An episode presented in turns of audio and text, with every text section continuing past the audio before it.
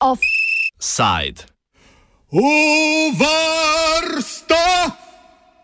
zbor za cepljenje! Torej, začel bi z enim zelo pomembnim sporočilom, da smo prva generacija, ki je lahko tako hitro dobila odgovor na epidemijo.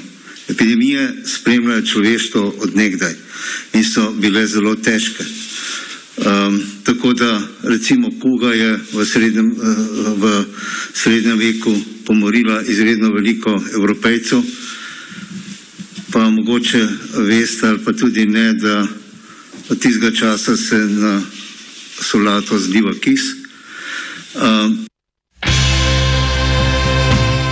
Um, slišali ste uvodni um, ali ste vedeli? Direktorja Nacionalnega inštituta za javno zdravje, krajše NIZ Milana Kreka, s katerim je ob premijeju Janezu Janši otvoril včerajšnjo tiskovno konferenco namenjeno predstavitvi nacionalne strategije cepljenja proti COVID-19. O njej bomo brez tovrstnih zastranitev govorili s sogovorniki iz Zdravstvenega doma Ljubljana, Ljubljanske fakultete za farmacijo in Kemijskega inštituta.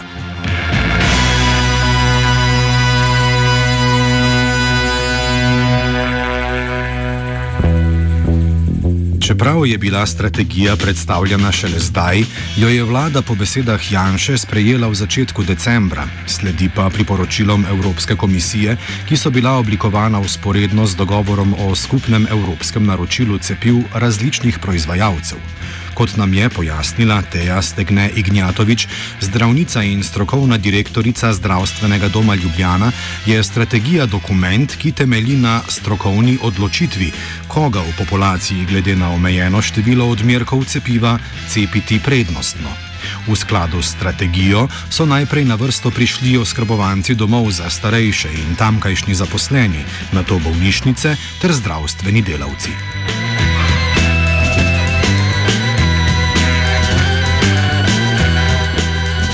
Po dostopnih podatkih NIZ smo v Sloveniji od začetka cepljenja, to je 27. decembra lani, do minule nedelje cepili 21.159 oseb, kar za boljšo predstavo pomeni približno en odstotek prebivalcev.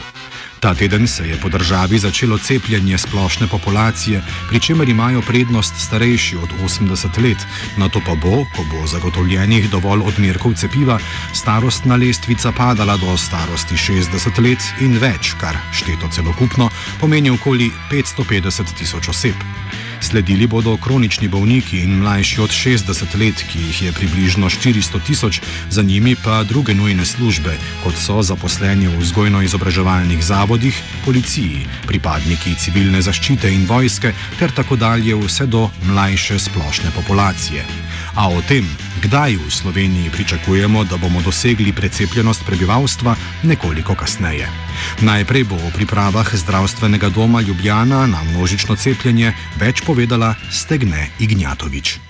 Zdaj, zdravstveni dom Ljubljana je bil strani Ministrstva za zdravje, tako kot tudi preostali zdravstveni domovi in bolnišnice, določen uh, za cepilni center, uh, v katerem pač poteka cepljenje splošne populacije Ljubljane in okoliških občin, kar pomeni, da v našem uh, cepilnem centru uh, v bistvu se cepijo občani, uh, opredeljeni tako v zdravstvenem domu Ljubljana, kot tudi pri uh, koncesionarjih um, v Ljubljani in pri mestnih ljubljanskih občinah.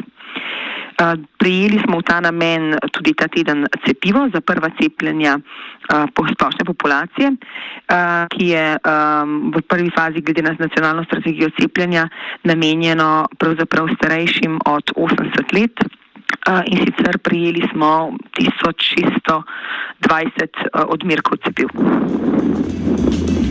Ker je, kot rečeno, število ljudi, ki jih s temi odmerki lahko cepijo, omejeno, je vsaka ambulanta družinske medicine po usmeritvah NIZ sestavila prednostni seznam desetih pacijentov, ki bodo prvi prišli na vrsto.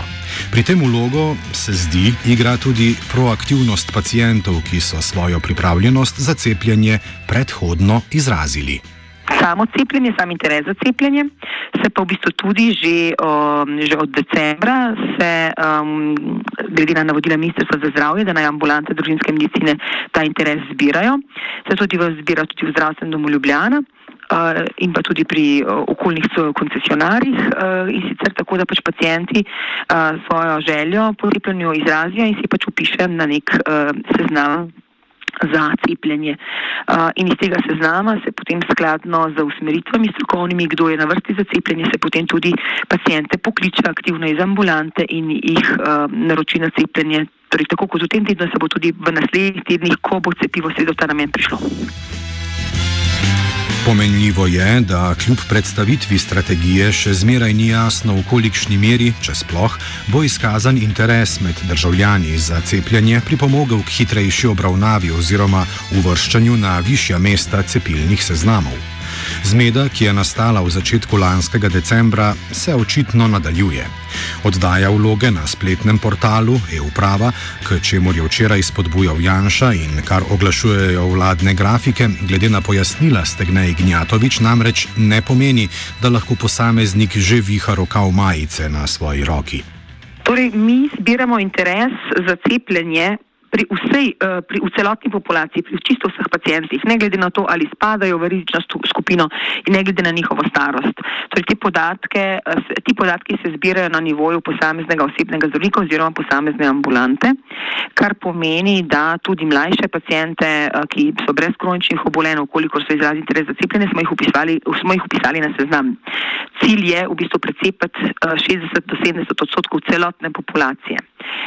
To pomeni, da pri izražanju interesa ni pomembno, ali ste v rizični skupini ali ne, ampak da ta interes se izrazi. Kako bojo v bistvu podatki, ki jih zbira portal uprave, vplivali na, sam, na samo izvedbo cepljenja, tega podatka žal nimam. Na tiskovni konferenci je Janša sicer predstavil številke za uporabo že odobrenih cepiv, ki jih je Slovenija naročila. Do zdaj imamo zagotovljenih skoraj 2 milijona 300 tisoč odmerkov Pfizer, BioNTechovega in moderninega cepiva.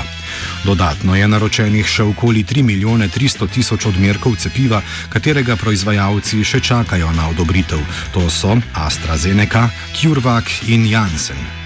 Sodeč po predstavljenem, smo s številom zagotovljenih odmerkov cepiva lahko razmeroma zadovoljni, meni Roman Jerala, vodja odseka za sintezno biologijo in imunologijo na Kemijskem inštitutu, ki pravi, da tudi cilj, torej 70-odstotna precepljenost prebivalcev Slovenije, tako na dolgi rok še zdaleč ni nedosegljiv. Ja, moram povedati, da sem bolj optimističen, no? zato ker prej so bile znane samo uh, celotne številke, zdaj, ko smo pa videli po kvartalih, je pa, je pa meni osebno se zdi spodbudno, no? zato ker vem, da po svetu poteka velika bitka za, za cepiva, uh, za cepivo moderna, pričakovati, da ga bodo američani dali drugim, dokler ga sami ne bojo, je mogoče iluzorno, tako da je bilo dejansko Pfizer tisto. In na srečo vidim, da tam nekje že v drugem in, in tretjem kvartalu se bo dobava bistveno povečala v primerjavi s sedanjima. Ne. Pa seveda cepivo AstraZeneca, ne, ki je bilo že prej v igri, je bilo že prej kot eno najpomembnejših, ne samo Evropa, ampak tudi drugot v svetu. Tako da, če se štejemo skupaj ne, po, po teh projekcijah, je prišlo tam nekje, da bi do, do konca drugega eh, kvartala, da bi tam nekje 60 odstotkov prebivalcev Slovenije lahko precepila, ne? kar se mi zdi, da je kar dobra varijanta. Prej sem računal, da bomo recimo veseli, če bomo mogoče do jeseni prišli do, do, do te številke. Veliko upov se polaga prav v cepivo, ki sta ga razvila švedsko-britansko podjetje AstraZeneca in Univerza v Oxfordu. Ravno včeraj je Evropska agencija za zdravila, znana pod kratico EMA, potrdila, da je na njen naslov prišla prošnja za pogojno dovoljenje za promet s tem cepivom. Odločitev omenjenega evropskega regulatorja pa naj bi bila znana do 29. januarja. O razliki med Pfizer-BioNTechovim in AstraZenekinim cepivom, od katerega veliko pričakujemo tudi v Sloveniji, več pove Tomaš Bratkovič, predstojnik katedre za farmacevtsko biologijo Ljubljanske fakultete za farmacijo. Cepivo BioNTech Pfizerja, pa tudi moderne, ki sta obe sta že odobreni, ne sta tako imenovani cepivi na osnovi informacijske RNK. Ki jo proizvedejo čez biokemijsko oziroma encimsko, prečistijo in potem zapakirajo v določene lipidne delce, preko katerih vstopa v celice. Um, Medtem ko cepivo AstraZeneca je pa tako malo vektorsko cepivo, ne, ki zajema en z, z povzročiteljem COVID-19 nepovezan uh, virus, to je adenovirus, ki je pa tako spremenjen, da se ni sposoben uh, namnoževati v, v naših celicah. Se pravi, virus tukaj stopi, uh, deluje samo kot en dostavni sistem. V obeh primerih uh, je pa podlaga aktivacije imunskega sistema uh, vnos genskega zapisa za eno od beljakovin z površine um, povzročitelja COVID-19.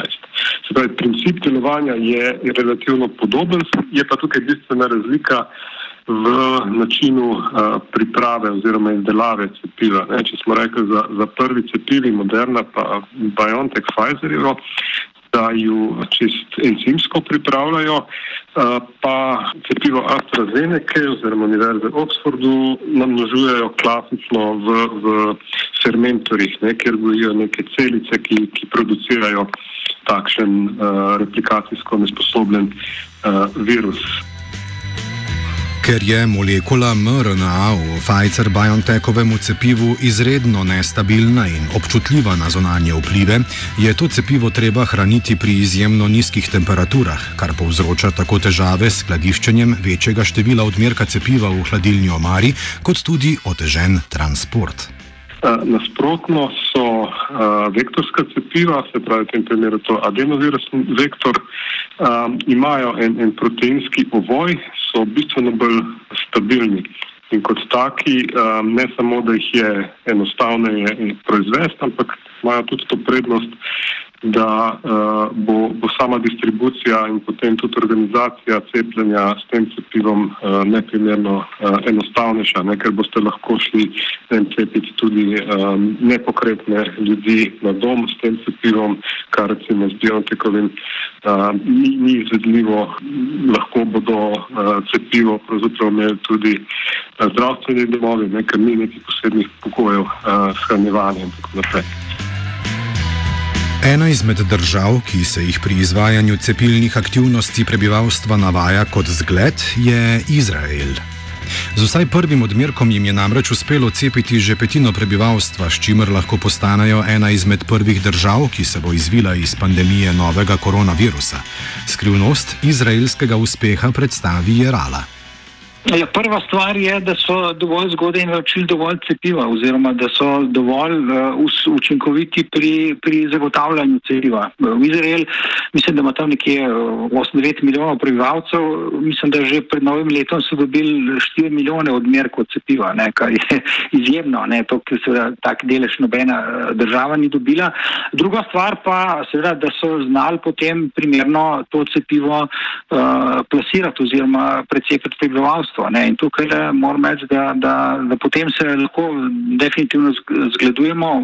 Oni, kot vidim, cepijo 24 ur na dan, imajo cepilne centre, eh, mislim, da zdaj cepijo okrog 150 tisoč ljudi na dan in so prišli do takih številk. Ne? Preko 20 odstotkov že zdaj napoveduje, da bodo res dosegali tiste recimo 70 odstotkov, mogoče celo do konca marca, če bodo seveda uh, dobave tega cepiva še, še, še trajale.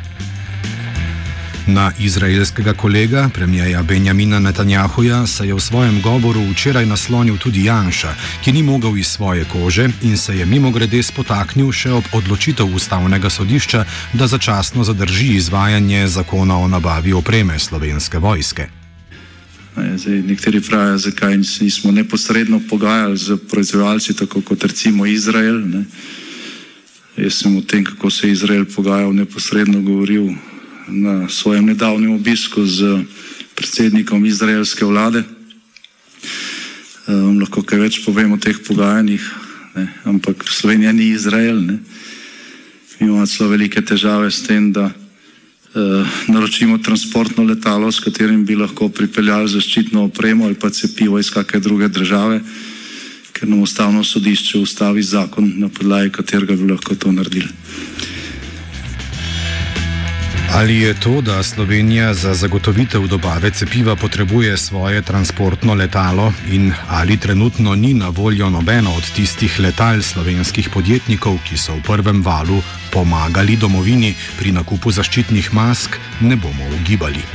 Netanjahu se sicer rad pohvali, da je Izrael uspel kupiti toliko dost cepiva tako kmalo, ker je direktor Pfizerja Albert Borla judovskega rodu in velik prijatelj Izraela. A pravi razlog za to, da Izrael, ki ima 10 milijonov prebivalcev, prejme več kot pol milijona odmerkov na teden, je ta, da je izraelska vlada pristala na izmenjavo zdravstvenih podatkov s proizvajalcem. Ficer bo tako dobil podatek o starosti, spolu in zdravstveni zgodovini cepljenih oseb, pa tudi informacije o stranskih učinkih in učinkovitosti cepiva. Izraelci so torej postali prostovoljci v recimo temu četrti fazi testiranja Ficerjevega cepiva. Usoda, ki so se ji seveda izognili palestinci na okupiranih ozemljih, ki si morajo cepiva priskrbeti sami, saj jim Izrael pri tem ne namerava pomagati. Na podlagi izraelskega primera se morda še najbolj kaže, kakšen divji zahod bi pri nabavi cepiv vladal, če se države članice Evropske unije ne bi odločile za skupen pristop pri sklepanju pogodb. Poročila o nabavi odmerkov, ki so se jim nekatere manjše članice v okviru svojih kvot odrekle, o čemer sta poročala spletni portal Politico in nemški Der Spiegel, pričajo, da je zanimanja med večjimi veliko. Tudi zato se zdi, da je kljub zdajšnji tajnosti večine pogodb med farmacevtskimi podjetji in Evropsko komisijo ta pri soočanju s pandemijo ubrala pravo pot. Offside je pripravil Fabian. Ma, kaj ti se boš cepil? Ne še. Ali ora pridem več kasno?